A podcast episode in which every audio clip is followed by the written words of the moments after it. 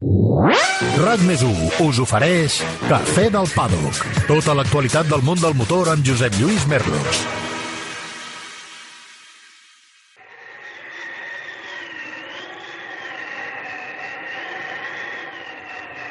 Aquest és un esport especial que ens apassiona perquè ens regala grans moments com els que hem viscut aquest cap de setmana, però que de tant en tant ens copeja i ho fa d'una manera molt forta, molt forta.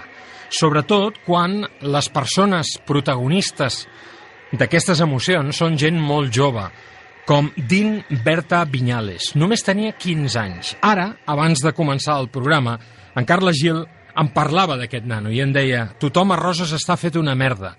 Tothom a Palau Saverdera, aquest poble de menys de 100 persones, on tothom sabia que els millors pastissos de la comarca els fan a la pastisseria Can Berta, d'on era en Din, està absolutament trinxat. Imagineu-vos com deu d'estar la família. El pare, la mare d'un nano de 15 anys. 15 anys. Que va morir aquest dissabte quan s'estava disputant la primera de les dues curses de la categoria Supersport 300 del Mundial de Superbikes al circuit de Jerez. Aquest està sent un any molt dur. Estem tenint moltíssimes morts, sobretot de gent molt jove. Recordeu, Jason Di Pasquier, 19 anys, al Campionat Mundial de Moto3, o Hugo Millán, al Campionat d'Espanya, amb tan sols 14 anys. A partir d'aquestes morts s'han obert moltes reflexions sobre com han de ser les curses, sobre quina ha de ser l'edat mínima per accedir a la pràctica d'aquest esport. No hi afegirem cap comentari més, perquè en aquest instant el dolor és tan gran que no ens veiem capaços de fer cap reflexió serena al voltant d'aquestes circumstàncies, perquè quan mor algú tan jove no hi pot haver mai una reflexió racional. O no tan jove, com per exemple Jaime Gil i Diego Calvo, que eren una mica més grans, no massa més, però que també van morir aquest fatídic dissabte quan feien allò que diu el tòpic, el que més els agradava, practicar l'esport del motor. Jo no sé si és el que més els agradava o no, perquè no els coneixia, evidentment. Però el que està clar és que la mort, quan baixaven del tram del Fito, d'aquesta pujada que tant ens ha fet fruir al llarg de la història de l'esport de l'automobilisme a Espanya, no tenien agendat un accident com el que van patir. Un accident que els hi va costar la vida, tres morts en un sol dia en proves de motor a Espanya, per la qual cosa l'organització va decidir suspendre la resta de la cursa. El que no entenc és com després s'ha publicat una classificació.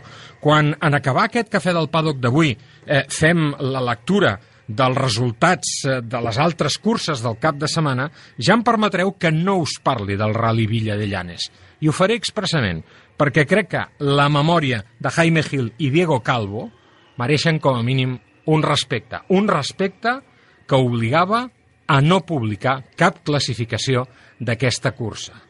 Una cursa en la que hi ha hagut dos perdedors, o potser només un, la vida.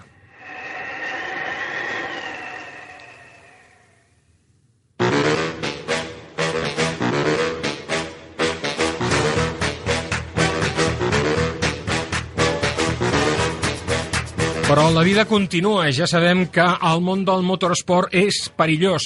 És una autèntica muntanya russa, com algú el va definir algun dia. Una muntanya russa on de vegades estàs avall, sortosament les menys de les vegades, amb casos com aquests que us acabem d'explicar, i on tot sovint est estem a dalt de tot.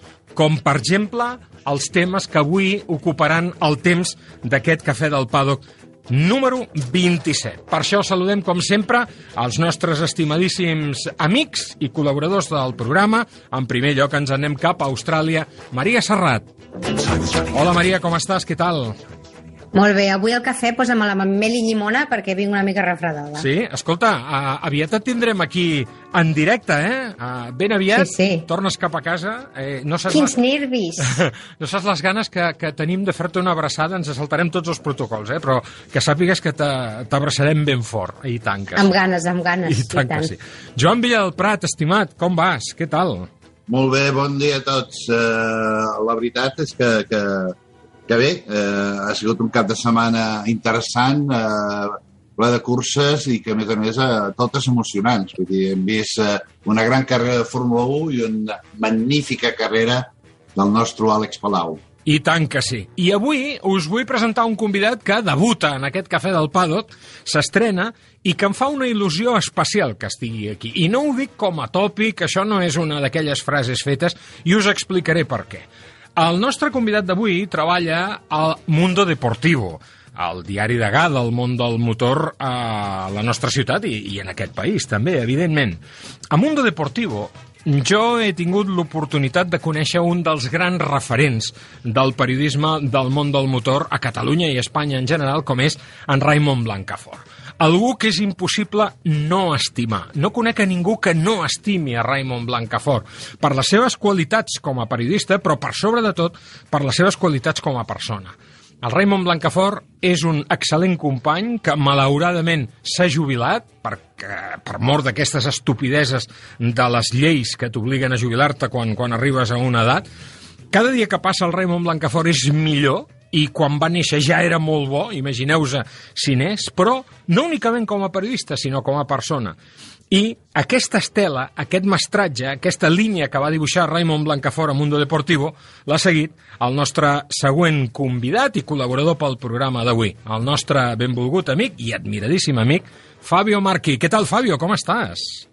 Uh, hola, moltes gràcies. No sé, no sé què dir després d'aquestes de, paraules. moltes gràcies. He de dir que, que quan vaig debutar, Gran Premi d'Espanya 2016, tu sí. presentaves l'acte de, del Gran Premi i vas dir, pobre el que hagi de, de venir al lloc de Raymond Blancafort. Això ho vaig, vaig dir. quedar, ostres. I justament en aquell acte hi havia un Àlex Palou que aquest cap de setmana ens ha fet Ah, sí que és veritat, és veritat. Que bo, sí, sí. que bo. Que petit que és el món, eh? Quines coincidències. Va, anem per feina. Avui, el nostre cafè del paddock amb aquesta alineació. Calienta, xaval, que vas a salir. Avui, el Cafè del Paddock amb... Maria Serrat, Brisbane. Joan Villa del Prat, Sant Cugat. Fabio Marqui, Barcelona. Àlex Palou, Indianapolis. I Carla Gil a la gestió tècnica. ¡Trata de arrancarlo! ¡Trata de arrancarlo, Carlos! ¡Trata de arrancarlo! ¡Trata de arrancarlo, por Dios! RAC Més? 1. Et vols vendre el cotxe? Busca, compara i, si algú te'n paga més, vine a Ocasión Plus. Millorem qualsevol taxació al millor preu garantit, pagament al cap de 30 minuts. Ocasión Plus, dues botigues a Terrassa, un altre a Mataró i també a ocasiónplus.com. Obrim els dissabtes matí i tarda. Has pensat mai com sona la tranquil·litat? La tranquil·litat de saber que tindràs el teu Ford Puma híbrid amb etiqueta Eco aquest mateix mes, sense esperes, entrega immediata. El sub de moda t'està esperant a la xarxa Ford de Catalunya. Emporta-te'l ja. Però afanya't, només en queden 20 unitats. Descobreix la gamma més electrificada del mercat. La nova mobilitat és cosa de Ford. Em vull vendre el cotxe, vendre el cotxe. A Vender mi cotxe et comprem el cotxe. Però com? On i quan? No tinc temps. Fàcil i molt de pressa. No cal ni demanar cita. Vine amb el teu cotxe, accepta la millor oferta i abans de 30 minuts tu i els teus diners estareu de tornada a casa. Vinga, venta el cotxe a Vender mi cotxe. Som a Barcelona, al carrer Rocafort 78, Cornellà de Llobregat i a Sabadell.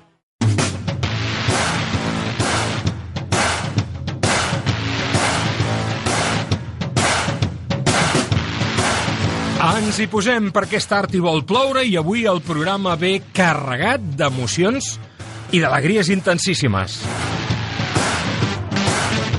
Àlex Palou fa història i es proclama campió de la IndyCar 2021 a Long Beach. Quin gust poder llegir aquest titular. Lewis Hamilton arriba a la victòria número 100 en ocasió del seu èxit a Sochi. Cinquè podi de la trajectòria esportiva de Carlos Sainz a la Fórmula 1, el tercer en Ferrari. Gran remuntada de Max Verstappen des de l'última fins a la segona posició. Alonso, sisè, a punt de fer el primer podi amb Alpine.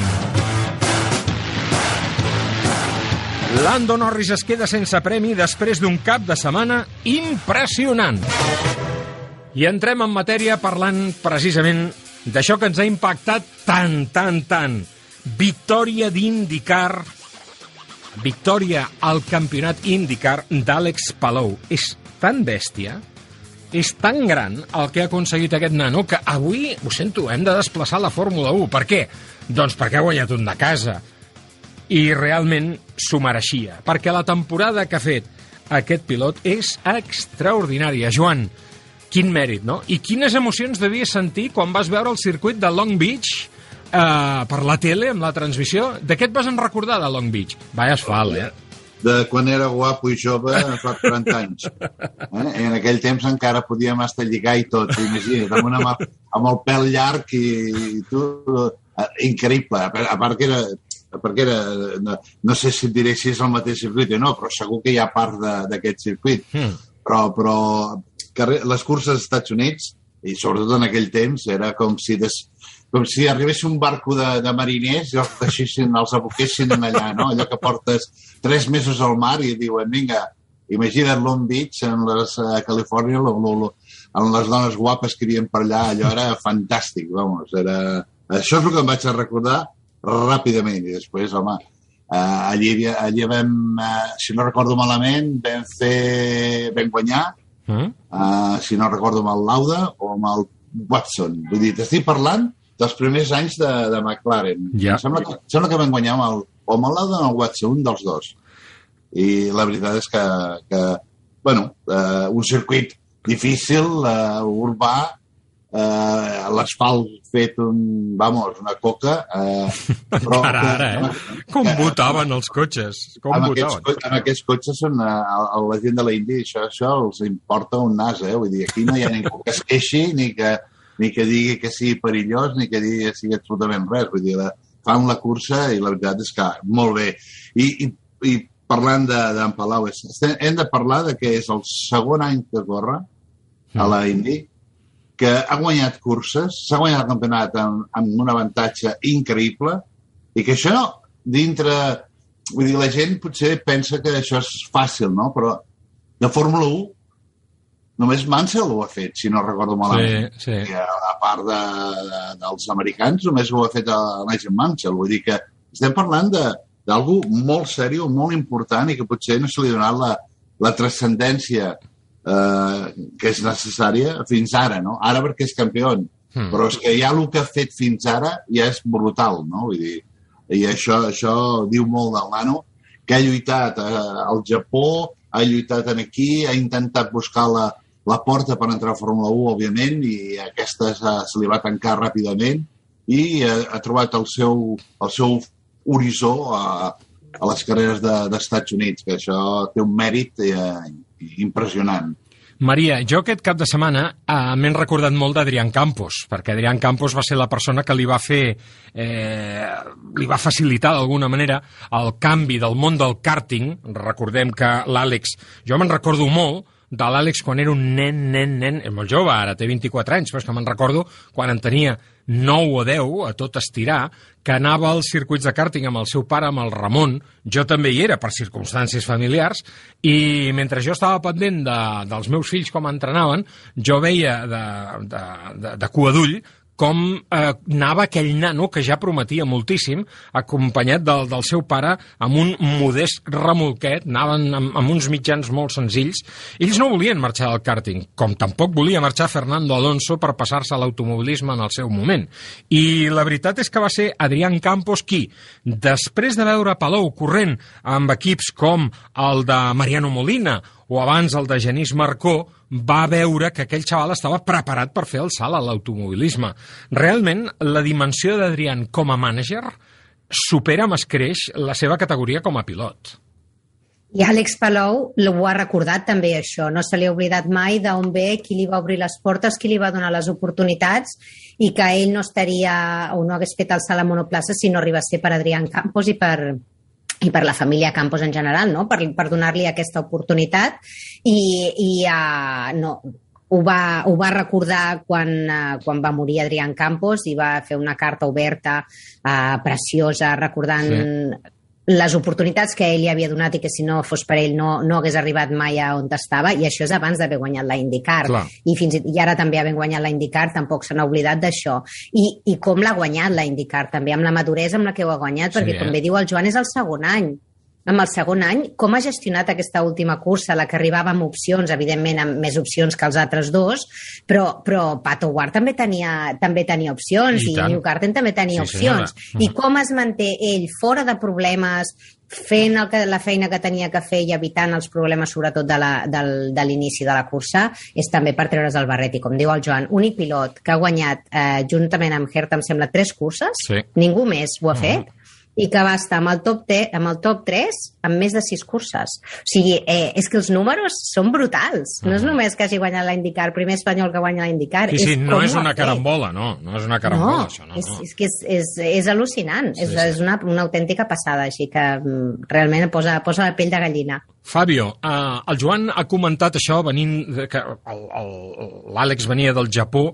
D'alguna manera, a mi aquesta trajectòria, aquesta voluntat de fer d'emigrant, i això el Joan ens podria escriure un llibre, perquè el Joan va ser el primer dels emigrants del món del motor que hem tingut a, a, a Catalunya. Després li farem cantar allò, la cançó de l'emigrant, eh? eh amb, amb el Joan. Uh, uh, la veritat és que l'Àlex, um, doncs, com va fer això, el Joan quan se'n va anar a viure a Anglaterra uh, per descobrir el món de la Fórmula 1 de la porta de McLaren com va fer Fermí Vélez, que va ser el primer dels nostres que se'n va anar als Estats Units. Com també va fer Pere Nogués, tot i que aquí no es va conèixer tant la gesta de- d'en Pere Nogués, però va ser un altre català que se'n va anar a, a fer a les Amèriques. Com després va fer l'estimadíssim Fermí Vélez. I com i això és el que més em recorda a l'Àlex Palau va fer el Pedro Martínez de la Rosa quan se'n va anar a viure a Japó. Recordem que l'Àlex ha estat dues temporades al Japó vivint sol allà, eh, sol solet, eh? Mm, eh, per, per, per participar a la superfórmula japonesa i després desembarcar als Estats Units. Eh, vides paral·leles, eh, Fabio? Sí, és que, a més, eh, el, el que més em crida l'atenció de l'Àlex és que sempre ho tenia molt clar, no? Perquè parlaves després d'un any difícil, el 2016, a les GP3, eh, en el que ell tenia, tenia molt clar que, que no, el seu repte no era arribar a la Fórmula 1, sinó dedicar-se a ser pilot professional. Recordo la frase perfectament de que jo no tinc diners, eh, no m'interessa arribar a la Fórmula 1 perquè si vaig a la Fórmula 1 tindré un cotxe 4 segons més lent que el primer i a mi no m'interessa el reconeixement de la Fórmula 1, sinó lluitar per gu- guanyar carreres. I em va dir, m'és igual, si amb un tractor, amb un turisme o amb el que sigui. Eh, Jo el que vull és competir i ha arribat a base de molt d'esforç i molta superació, però sobretot amb molta ambició i, mo i molta, molta confiança en si mateix, perquè abans de fer aquest pas a la IndyCar, Mhm. abans d'anar al Japó, ell, ell ja m'ho deia, jo vaig a pel títol a Japó i si puc eh, fer- fer-me un hueco a la. Ja, ja era el seu somni. Llavors això ja et diu molt. I aconseguir-ho eh, i a banda, eh, doncs, eh, amb el que deia la Maria, amb aquest, sempre amb aquest record de tota la gent que l'ha ajudat, perquè hi ha molta gent que amb l'èxit canvia. L'Àlex Palou en tots aquests anys no ha canviat gens, sempre respon als whatsapps, eh, respon a les trucades, és, és, és un bon tio, eh, si se'm permet dir. I és, l'Àlex Palau no ha canviat i ha arribat a l'èxit, eh, jo crec, amb tot l'esforç que ha fet i, i, i amb tota aquesta superació no? d'aquest- d'aquesta història.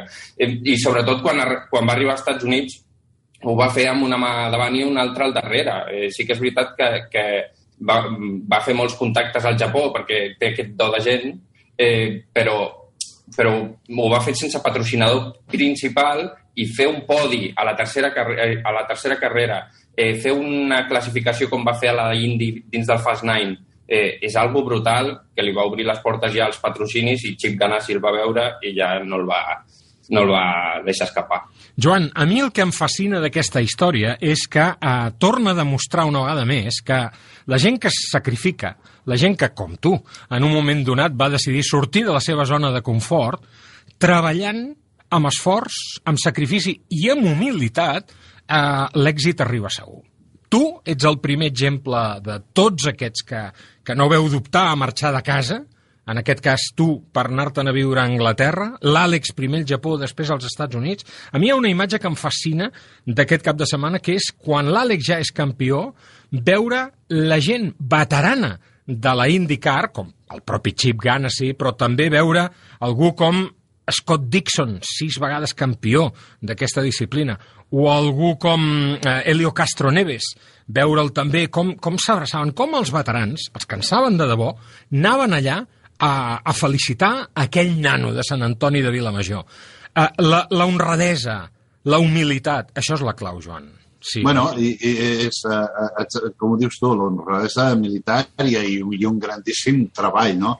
A part de tindre les qualitats Clar. naturals que, sense cap dubte, a, a l'Àlex les té, no? Però, però, però és que ells es donen compte del que ha fet. 24 anys, segon any de l'Indi, mm. i ser campió de l'Indi no, és, uh, no és res fàcil, no és, a, no és a l'abast de tothom.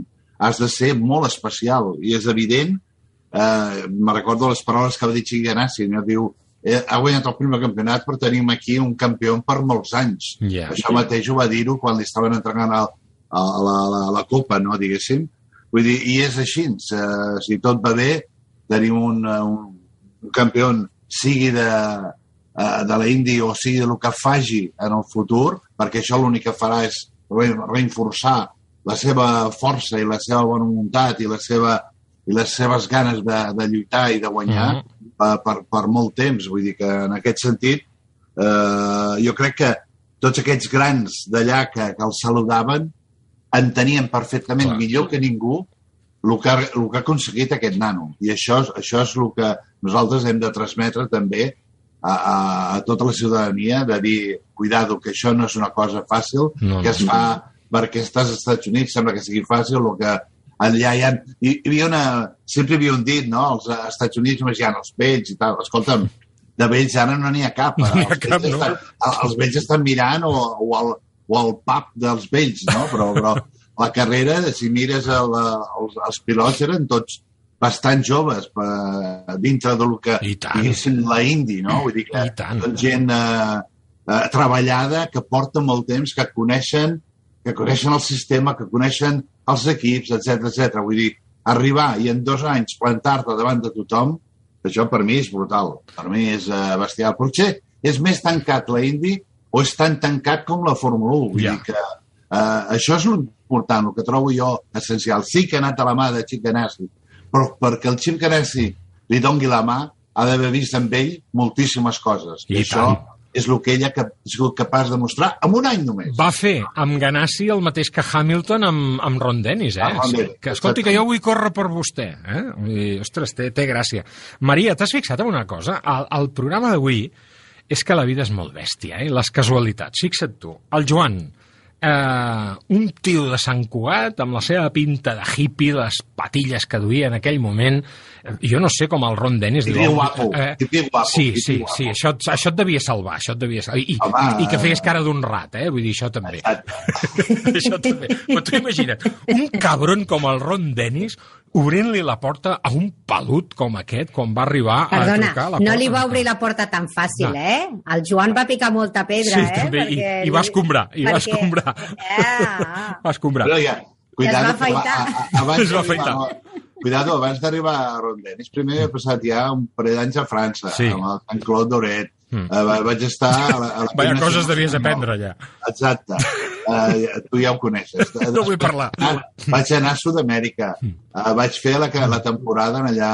Vaig tornar a Anglaterra. Uh, tot, no, de, o sigui, ja fins i tot per arribar a Rondenis, que en aquell moment no era ningú, o sigui, era... El, bueno, ningú, era, era el, el jefe de, de Project Fur, mm eh, ja, ja, va ser, ja, ja va ser complicat, però bueno, si tu creus, si vols, si, si tens la il·lusió i si en aquell temps la teva vida era, la concentraves i tots els esforços amb, amb la, teva, la teva feina i amb la teva eh, passió, que, que, que això és el maco, no? Vull dir, que el treball teu sigui la teva passió i el teu hobby és el que fa que et dongui més força que ningú. I jo em vaig guanyar els inglesos precisament per això, perquè quan ells anaven al pub jo m'anava a aprendre a soldar o a aprendre a fer anar al torn i m'estava fins a les dues la matí.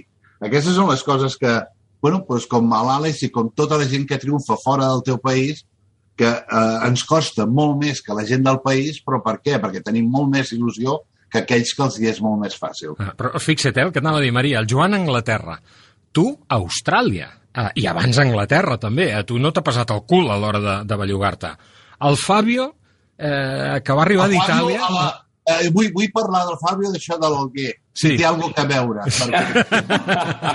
Perquè, jo, No, no, a mi, a mi registreu-me, dona- eh? A la meva dona, a la meva dona, cas l'agafo i la, cas la poso a la plaça, al poble i la cremo. Vull dir que... No, no, no. El, el Fabio no és dubtós en aquest sentit. No, no, no. Maria, eh, cal veure món. Ningú és profeta a la seva terra, com diu el tòpic. Oi, el món, el món t'obre molt els ulls també, de com funcionen les coses, no només a casa teva, sinó a, a altres llocs i altres maneres de pensar, altres maneres de treballar, altres maneres de funcionar en general a la vida. I això és fantàstic, és fantàstic que de, tenir aquesta oportunitat, però és el que també dieu, l'oportunitat l'has de buscar. Uh Mhm. -huh. També no et, vindran, no et vindran a buscar. Mai et penso. no, et trucaran, no et trucaran a la porta i et diran escolti, vostè vol, voldria fer tot Mm. això? No, tu has d'anar... És veritat Clar. que, que hem tingut molta sort tots nosaltres d'haver tingut les oportunitats que hem tingut, però les oportunitats les hem anat a buscar. Està clar. I, Fabio, ara, ara t'explicaré un secret del Joan. Tot això que va Ui, començar ui. a voltar, no, tot això que va començar a voltar, és perquè el seu esperit competitiu és tan bèstia que només ho feia per acumular més milles a la targeta al frequent flyer que té, perquè només té l'obsessió de fer més milles que jo per un objectiu, que a mi no em deixin entrar a les sales VIP de l'aeroport i amb ell sí. I aleshores amb ell és una cosa que el posa especialment calent, veure com quan em tanquen la porta de la sala VIP als morros i ell pot entrar, saps? Vull dir, Ara, tot ara això només... això s'ha mort ja, eh? Ara, Sí, sí, sí. les targetes ja han caducat. Com, a- com, No serveixen com per res. porta la Com que tot el que porta la butxaca ha caducat ja últimament. Però és que en el fons, Fabio, entrar a la sala VIP o no, no té tanta importància. I això ens ho demostra l'actitud de l'Àlex Palou, que li és igual entrar a la sala VIP de l'automobilisme o no. I quan parlo de la sala VIP, parlo de la Fórmula 1. Quina obsessió té la gent en portar l'Àlex Palou a la Fórmula 1, quan tu has dit abans, és que no hi vol anar, que no hi vol anar. Exacte, és que ell, ell vol eh, competir i estar en una competició perfecta per fer el que vol, que és lluitar per victòries. Eh, és l'únic que vol. I a l'indicar la igualtat mecànica que hi ha, eh, en la que ell ja amb un cotxe l'any passat, amb un dels cotxes més modestos del campionat, ja va poder eh, fer bones coses, doncs eh, és la categoria perfecta en la que ell pot estar. I en el que dèieu abans, si em permeteu, eh, imagineu-vos un noi de 24 anys Mm. arribant aquest any a un equip amb un tio que ha guanyat sis títols de l'IndyCar, que és Scott Dixon, un altre que eh, una llegenda de, de la NASCAR com Jimmy Johnson i un ex Fórmula 1 i jo li vaig preguntar, però que, com, ho vas fer? Perquè, clar, això ho has de canalitzar, no, no, no, no pots entrar com, com una bèstia. I diu, bueno, lògicament no, no vaig entrar dient, eh, hola, eh, soy Alex, com va el cotxe? Però eh, va veure que, que, que un, algú tan veterà com eh, Scott Dixon amb tants campionats que eh, no parava de treballar, va dir, doncs jo, que sóc jove i acabo d'arribar, he de seguir treballant igual o més que ell. I és, aquesta ha sigut la fórmula de l'èxit. Eh, I sobretot que al principi de temporada tu li preguntes quin és el teu objectiu i diu, jo la pressió màxima ja l'he passat, que és l'any passat que no sabia si continuaria i amb un cotxe dels pitjors. Eh, aquest any la pressió no la tinc. Eh, vull guanyar el títol. Deia, vull guanyar el títol i sé que tinc cotxe per guanyar el títol. I ho ha aconseguit. I no solament això, sinó que quan parlàvem amb ell eh, just a començaments d'estiu, ell ens deia, diu, jo, si no guanyo el títol és igual, diu, perquè eh, aprofundint en el que diu el Fabio, jo la, la pressió ja me l'he tret del damunt, perquè jo ja tinc contracte renovat per l'any vinent. Imagineu-vos, a mitja temporada, Chip Ganassi, que d'això en sap una mica, ja va veure, eh, bé, de fet ho va veure el primer dia, com ha explicat abans el Joan, perquè si no, no li hagués obert la porta del millor equip de la, de la IndyCar. Eh, ell l'any vinent té el futur assegurat i el futur econòmic també absolutament garantit. Com ha acabat la IndyCar després d'aquesta cursa de Long Beach? Així. Victòria de Colton Herta de l'equip Andretti en aquesta darrera prova per davant de Joseph Newgarden, que anava amb un Penske, Scott Dixon amb el primer dels cotxes de Chip Ganassi a la tercera posició, l'Àlex Palou, quarta plaça. I cinquena posició pel francès Simon Paginot, amb un Penske també, déu nhi de la quantitat de pilots francesos que hi ha competint actualment a la IndyCar. Pel que fa al campionat, Àlex Palou s'ha proclamat campió amb 549 punts per davant de Newgarden. Parlem de Newgarden com si fos un veterà. De fet, Newgarden ha guanyat dues vegades el títol de la IndyCar, però atenció, perquè és molt jove, és el que deia el Joan. Dues vegades campió, però és que té 28 anys només. Per tant, no és un dinosaure ni de bon tros, com tampoc ho és Pato O'Ward. M'ha encantat l'esportivitat amb la que Howard ha encaixat la derrota i, sobretot, com ha felicitat a l'Àlex i com l'ha reptat i li he dit l'any vinent ens tornarem a veure les cares. I en quarta posició, Scott Dixon, que demostra que la vida és una combinació de gent jove amb talent i de gent gran també amb talent. I que, per tant, això de l'edat és només una xifra que serveix per guarnir el carnet d'identitat. Avui no hem pogut parlar amb l'Àlex Palau perquè està viatjant des de Long Beach fins a casa seva a Indianapolis, però la setmana vinent ja us avanço que ens acompanyarà aquí al Cafè del Paddock.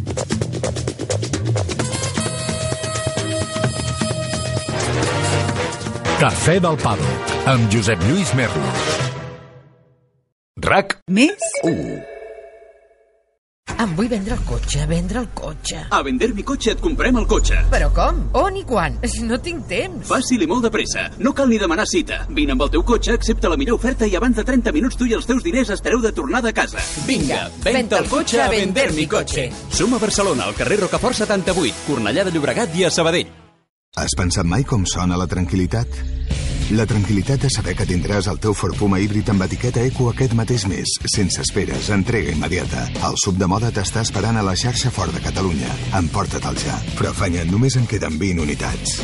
Descobreix la gamma més electrificada del mercat. La nova mobilitat és cosa de Ford. Et vols vendre el cotxe? Busca, compara i, si algú te'n paga més, vine a Ocasión Plus. Millorem qualsevol taxació al millor preu garantit, pagament al cap de 30 minuts. Ocasión Plus, dues botigues a Terrassa, un altre a Mataró i també a ocasionplus.com. Obrim els dissabtes matí i tarda. RAC més 1 us està oferint Cafè del Paddock. Tota l'actualitat del món del motor amb Josep Lluís Merlos.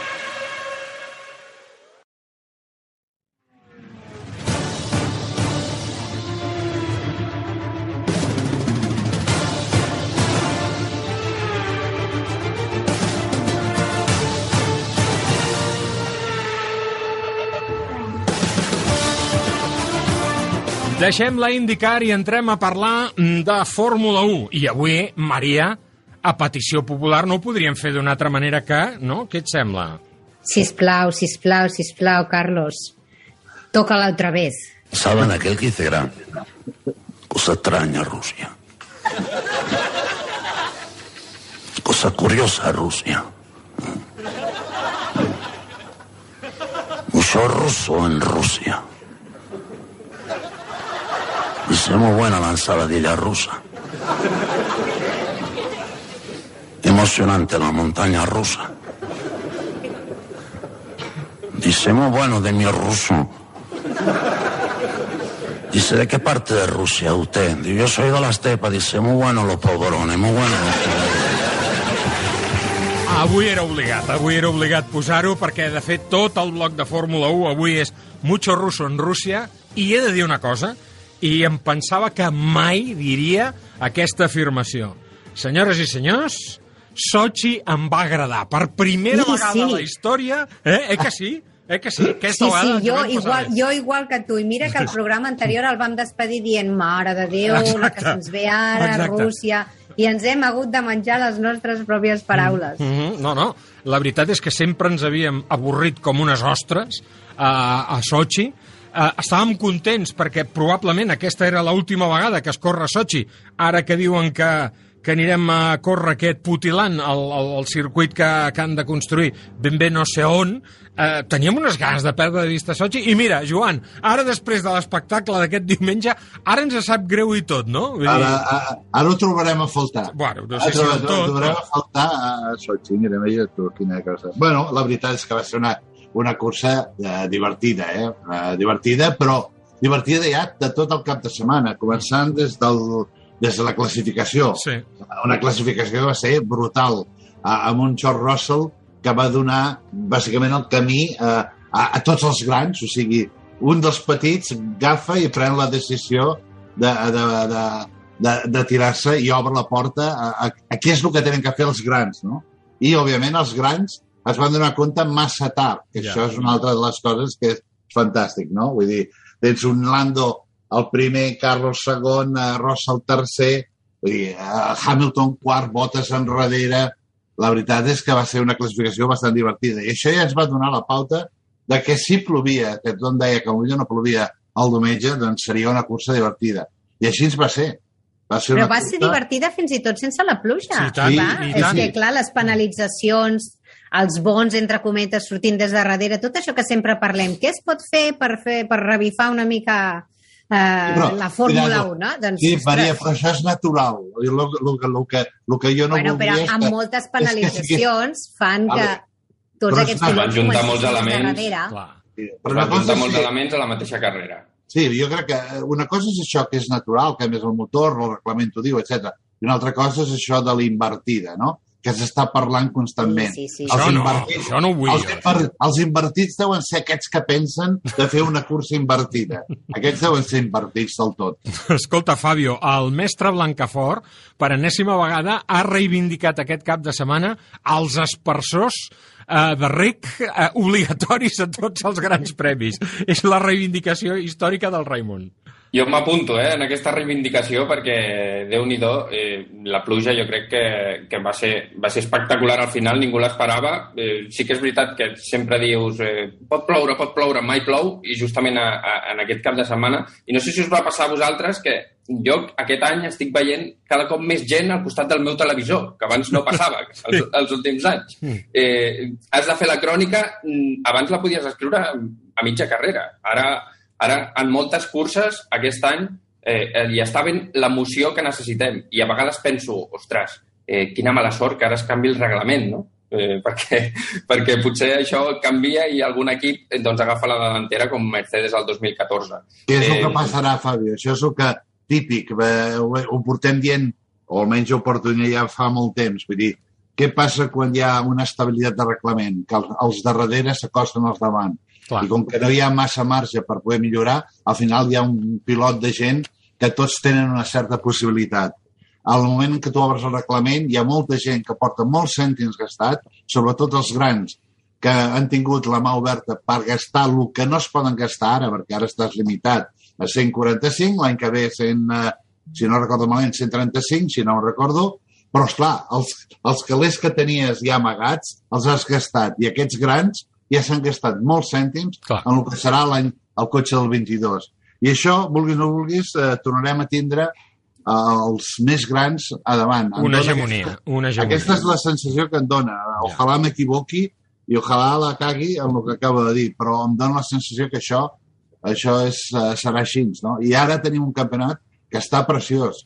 Està preciós eh, perquè tens una McLaren forta, ràpida, que és amb, amb reptes, eh, és un cotxe eficient i és capaç de tenir una velocitat punta fantàstica, tens un motor Honda amb, amb, amb Red Bull que funciona fantàsticament també, tens Mercedes que ja no ha pogut evolucionar tant com ha fet d'anys precedents.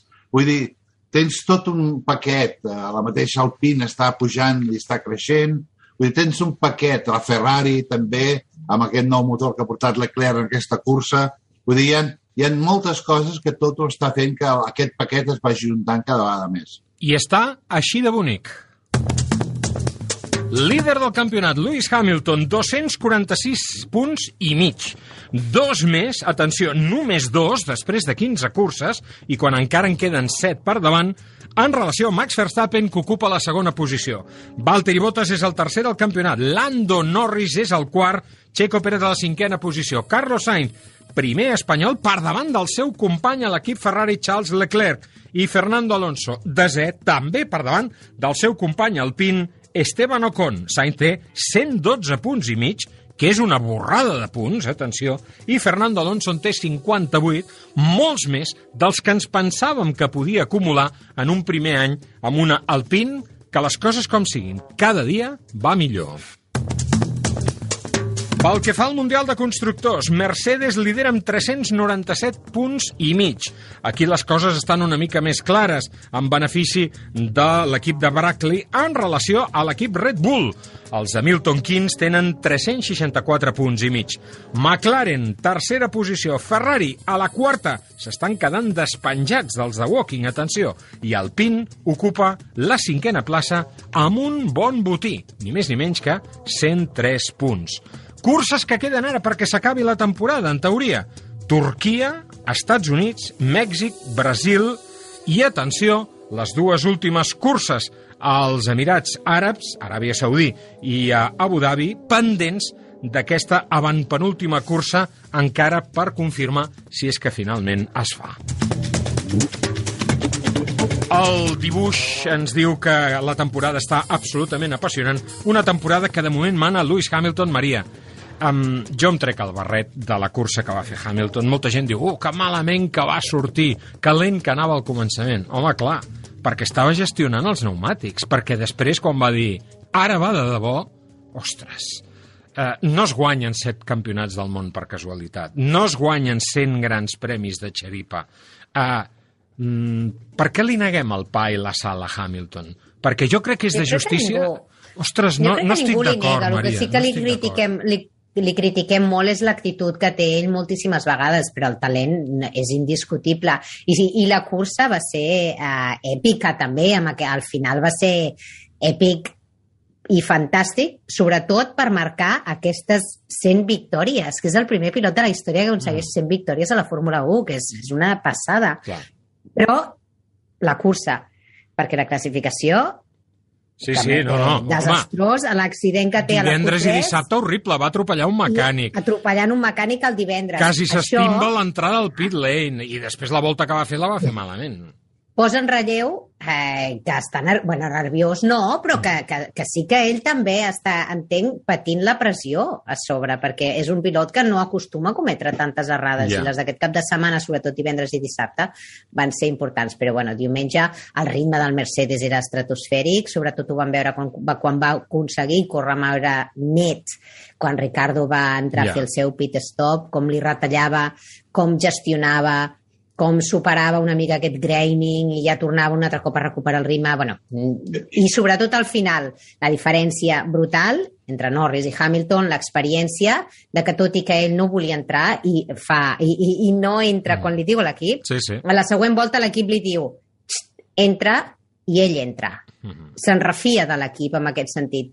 Eh, I aquí és on es veu doncs, la diferència entre, entre, un, entre un pilot potser menys experimentat com Norris i un campió del món com, com Lewis Hamilton, que diu, vale, tot i que jo no vull entrar, entraré perquè haig de, haig de refiar-me del que em diu el meu equip. Joan.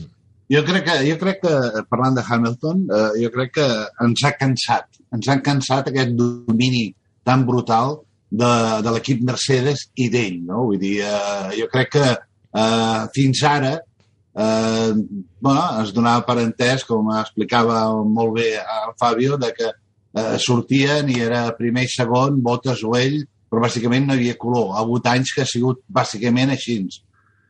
Una altra cosa està passant que ara tens un Verstappen que li planta cara, que tens una, una McLaren que a la que t'equivoques un dels dos grans estan allà per, per agafar-te la cartera. Vull dir, tot això amb ell eh, l'ha fet cometre errors, vol, vol dir que potser la gent comença a pensar que amb un cotxe menys competitiu hauria sigut més, eh, haguéssim vist més el Hamilton que, que, que, que aquest Hamilton tan superior a tothom, no? Doncs jo crec que al final la gent, eh, eh, torno a repetir, s'ha cansat de que Hamilton guanyi i té ganes de que guanyi un altre.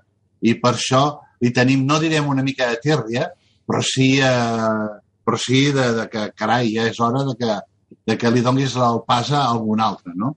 Vull dir, de totes maneres, això no li treu que és un set vegades campió del món, no treu que és un tio competitiu, no, no, no treu que és un tio grandíssim a les curses, que, és, que té l'experiència, que sap quan té que apretar, que sap quan té que jugar amb els pneumàtics, que sap posar la, el cotxe i treure el límit d'aquest cotxe, i que és veritat que en aquell moment està eh, doncs forçat a ser el Hamilton que potser podíem veure en un moment determinat quan començava, no? Amb Ja. McLaren o, traient... El de no esmolat. No, no, no només l'experiència, però a més a més eh, jugant-se-la. I jugant-se-la i cometent errades, no? Vull dir que, eh, eh, que també és maco. Clar, perquè és humà, perquè l'humanitza. Aquest- Aquesta vida tan tranquil·la que ha tingut en aquests últims anys, ja va ser una hora que algú li traia la catira a l'hora de sentar-se, no? Ja, ja. I que caigui terra. Fabio, tu què Jo crec que ningú, ningú pot discutir eh, la qualitat de Hamilton, sobretot perquè el compares, per exemple, amb el seu company de, de box a Bottas, que no és mal pilot, però és un pilot eh, que té inspiració divina en un moment concret, eh, però després no sap gestionar tota la carrera, que és el que fa Hamilton que sigui superior a, a, a pràcticament la, la majoria de la parrilla. Eh, el que passa és que ha pagat aquest domini aplastador de Mercedes i que Mercedes tampoc volgués posar ningú a la seva alçada, Ja. al seu costat, per, eh, doncs, doncs perquè demostrés realment que és el millor en totes totes. Eh, Ah, només ara ho per veuràs, ara ho veuràs quan pugi Russell l'any vinent. Això que estàs demanant, Exacte, ho tindràs l'any vinent. però, però eh, fins a que ara ha arribat, eh, doncs, ha guanyat moltes victòries sense pràcticament oposició. Eh, és, és, és aquest el problema, perquè recordem que el 2013 ell guanya una carrera i passa al 2014 a guanyar-se- a guanyar-ne 11. Ja. Llavors, eh, un pilot un any és dolent i l'altre és eh, el millor? Mm, No. I després perquè també eh, és veritat que ha perdut alguna batalla contra companys d'equip. Llavors, això sí que et fa dubtar una mica, però no pots dubtar que és un dels millors de la història, això sens dubte. Maria, tu deies que, que tot Sochi va ser fantàstic, i és veritat, però és que jo m'ho vaig començar a passar bé fins i tot des del dijous. Em va encantar la roda de premsa del dijous, on vam poder veure la importància de la guerra psicològica, on assistim a un Lewis Hamilton, set vegades campió del món, allò fent-se el condescendent. Clar, jo entenc molt la pressió que té Max Verstappen, perquè sé el que se sent quan encara no has guanyat el teu primer títol, eh, lo malament que ho passes quan encara no ets campió però estàs a punt. Entenc Jo, veus, que, és aquesta l'actitud de Lewis Hamilton que em treu de polleguera. Però està molt bé, La això, Maria, actitud- està molt bé. La mateixa actitud que li veig el diumenge quan li estan fent l'entrevista de Mm, post, eh, sí. de post cursa i es troba amb Norris Mm. i aquesta actitud de, de superioritat que li diu ja arribarà el teu moment. Bueno. I diu aquestes coses amb aquell Però que pobre no- tio però, Maria, que no és te'n recordes de moment de Duhan? la seva vida. Que no te'n recordes de Duhan, tu que vas treballar allà molt a prop d'ell, precisament. Duhan és grandiós. Ah, doncs és la... Grandiós. No parlo No de Jack pot- Duhan, eh? Ara parlo d'amic Duhan. Per cert, felicitats a Jack Duhan per les curses de GP3 que va fer. Escolta, um, però és que, a veure, és que um, a mi m'agraden més els dolents de la pel·lícula, sempre. A tu t'agraden els marrulleros. Sí, ja, sí, ja. ja ho si no, si, ja ho saps. si em sembla bé, si em sembla bé i a mi també em diverteix. El que Mm. passa que després no pots anar de víctima. Ah, Si vols ser marrullero, sigues marrullero. Home, si et foten la roda I pel ja cap, està. què has de fer? No. Donar gràcies o què? Oh, Ah, no, no, escolteu-me, que- que escolteu-me. de Hamilton. El Hamilton ha tingut francotiradors per dues curses, eh? Cuidado, eh? Que el, fan, el, el Hamilton ha estat en allà a, a Silverstone, després Ja. la següent, vull dir, eh, Déu-n'hi-do, eh? Vull dir, pot, pot fer el, el, el, el, el sermó de, de, De la muntanya. de la muntanya, però està com està i, i la pressió que té Verstappen, la pressió que té ell, és també gràcies a lo- tot el que ha passat fins ara, no? No, però és que a mi m'encanta Verstappen com reacciona, Joan, en aquesta roda de premsa. Recu- Li diu, sí, ui, sí, no dormo, no dormo. Sí, sí, I la vida que ens dona això, eh? Exacte, home, és I tant. fantàstic. Però si això està molt bé, Clar, si això està molt què bé. voleu, Mireu quina temporada estem veient. No, i tant que no, i tant que no. clar. A més que no mi són només dos grans pilots, que tenen dos personalitats eh, que són titàniques. Llavors, eh, encara ens dona més vida aquesta lluita. Clar, i tant que A mi, sí. a mi personalment m'agrada més la de Verstappen, però et diré una cosa. Mm. Recordeu que Verstappen surt a l'últim perquè ha perdut un motor a Silverstone, eh? Ja. O sigui, el de Silverstone és a part de perdre la carrera, Mm. perd un motor. Vull dir, Mm. que li, que li obvi, òbviament li obliga a perdre una altra cursa. Bueno, però, I però sortint Mercedes ja compensa. Sortint Mercedes compensa. Li canvien el motor a botes que no tocava. Fixa't si són bona gent a Mercedes, que diuen ostres, ens sap greu el que li ha passat a Verstappen, saps què? Anem a igualar les coses i posarem botes, el farem penalitzar perquè surti... Bé, són bona gent, home. És que... Perdona, i com els hi surt el tiro per la culata? Hosti, fatal. Perquè volen que Bottas aturi la remuntada de Verstappen i no li aguanta ni una curva. Ni l'ensuma, Sí. ni l'ensuma, perquè I, el que va perdoneu, fer Verstappen és La estratosfèric. imatge de botes, la imatge de botes al seu Instagram, Sí. Ah, no l'he vista. És que això de no, les, l'Instagram... no l'heu vist, per no, favor, mireu, no. mireu-vos-ho, sisplau. Mm. El propi Valtteri Bottas Sí. penja un meme d'aquests Mm. amb, un, amb, amb tot de ferralla darrere seu, un Photoshop amb Mm. tot de ferralla darrere seu, ell mirant-s'ho i dient els motors de Valtteri Bottas. Ell mateix ho penja al seu Instagram. És boníssim. Està- és està com que alliberat, està està ja alliberat. tan, Ah, és- tan passat de voltes, Valtteri Bottas, Pa lo que me ja queda en el és convento brillant. és el que fa Valtteri. Bottas ara, pa lo que me queda en el convento. Escolteu, avui, avui hem d'anar a curs perquè es veu que hi ha un partit de de no sé què, de, de una, no, sé, no, no sé què hi ha De bolos, un partit de bolos. ah, exacte. Crec que hi ha un nou esport que es diu futbol, però no... Ah, ah, sí, eh, deu de ser això, Fu- futbol, futbol. I per tant hem d'anar ràpids. I aleshores, mm, vull parlar ràpidament, ràpidament de tres temes. Eh, només us diré tres noms i ja sabeu què hem de dir. Norris. Per mi, brillant tota la cursa, tota la cursa. Eh, jo crec que en condicions eh, normals, Hamilton, estic, mm, em costa molt de creure que el vessi avançat, perquè crec que tenia la velocitat suficient com per mantindre'l fins a, fins a la- a l'arribada, eh, amb, una, amb una rada, una rada de jove, d'ímpetu i de potser eh, d'anem mimat. Eh, el que va fer en les últimes curses engegant a l'equip a Ja, Norris. les últimes voltes. Les Bàsicament cinc va últimes engegar l'equip a Norris. No? El Ja. Lando Norris va engegar l'equip a Norris. Ja, ja. I, Uh, però arrada també, arrada també de l'equip de no ser una mica més d'exigir-li Hmm. en lloc de preguntar-li. Que aquí Reco també... Recomano que llegiu l'article de Jonathan Noble a Autosport, eh, on parla de si McLaren, l'errada de McLaren és només no tenir una bona previsió meteorològica o si hi ha més factors. Us recomano que llegiu aquest article del, del Jonathan Noble a Autosport perquè e- és, és brillant al respecte. Eh? Tens raó, Maria, amb el que dius, però et recomano llegir això. Escolta, Maria, segon nom, Sainz.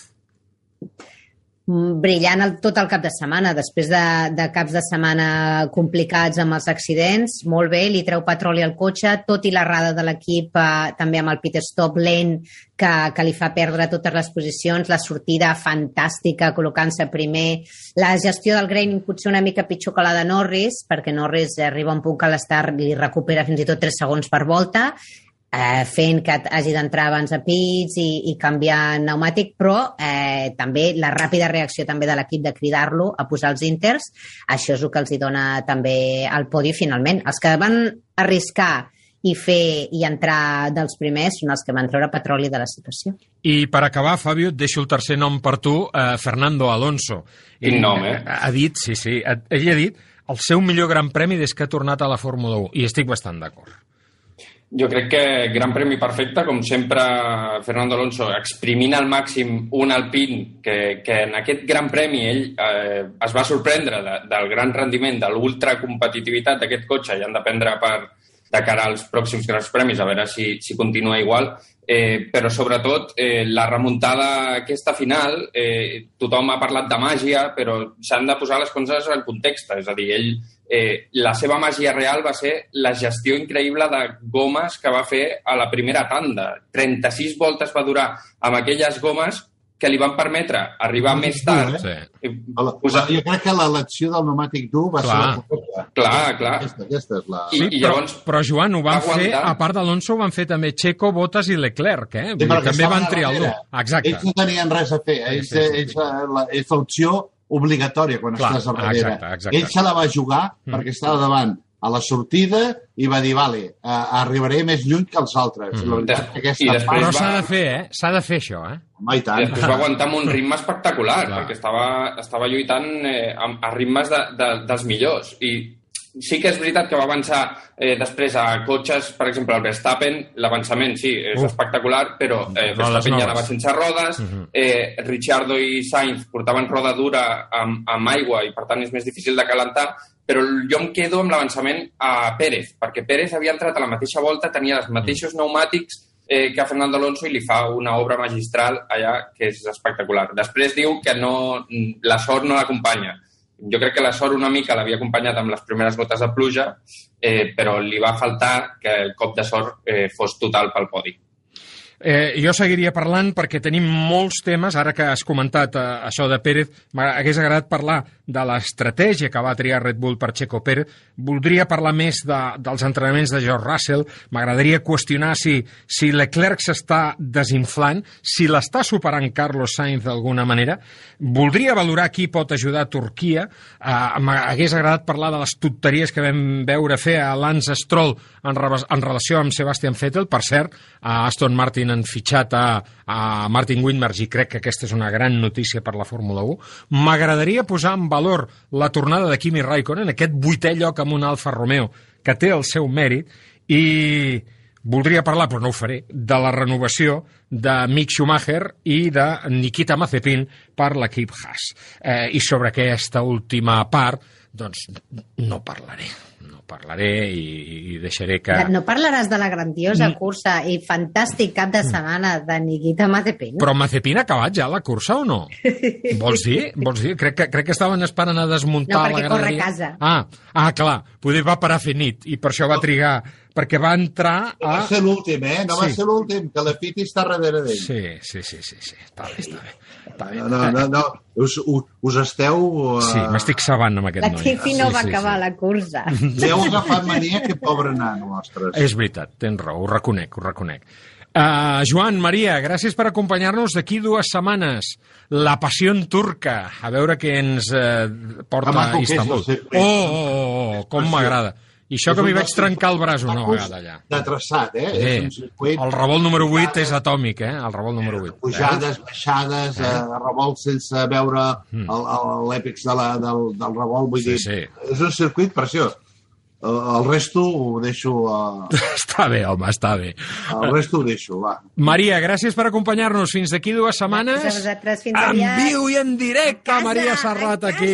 Quines ganes tinc de, de fer-te una forta abraçada. Fabio, eh, tu has passat bé o què?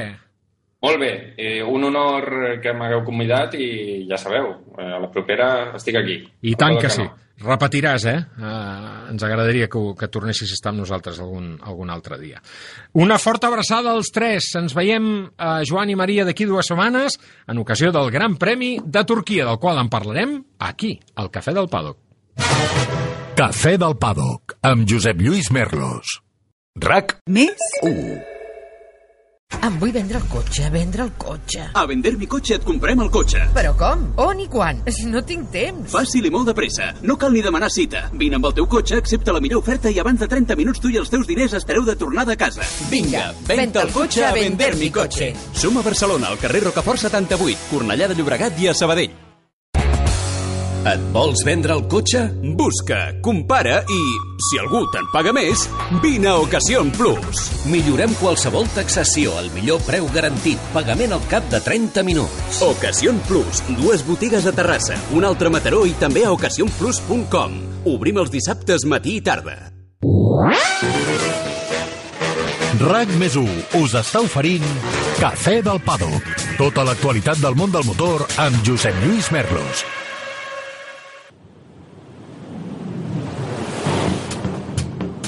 I el xàrter del Cafè del Pado comença a enlairar-se ja de cara a la pròxima destinació la setmana vinents. Abans, però, volem recordar les altres curses que hi ha hagut aquest cap de setmana.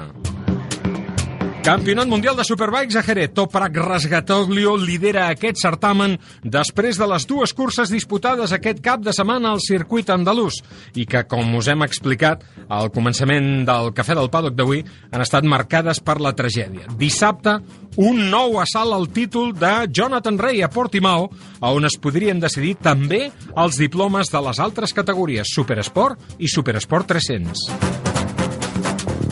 Motocross de les Nacions. Espanya no passa de la setzena posició en aquesta cursa, disputada aquest cap de setmana a Màntova.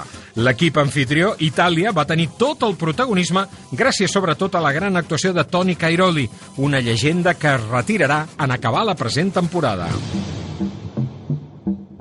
GT World Challenge a València. Els alemanys Maro Engel i Luca Stolz han guanyat aquest cap de setmana les dues curses d'aquest certamen disputades al circuit de Chest. A la segona, el barceloní Albert Costa, acompanyat de l'alemany Norbert Schindler, ha fet la tercera posició amb el seu Lamborghini.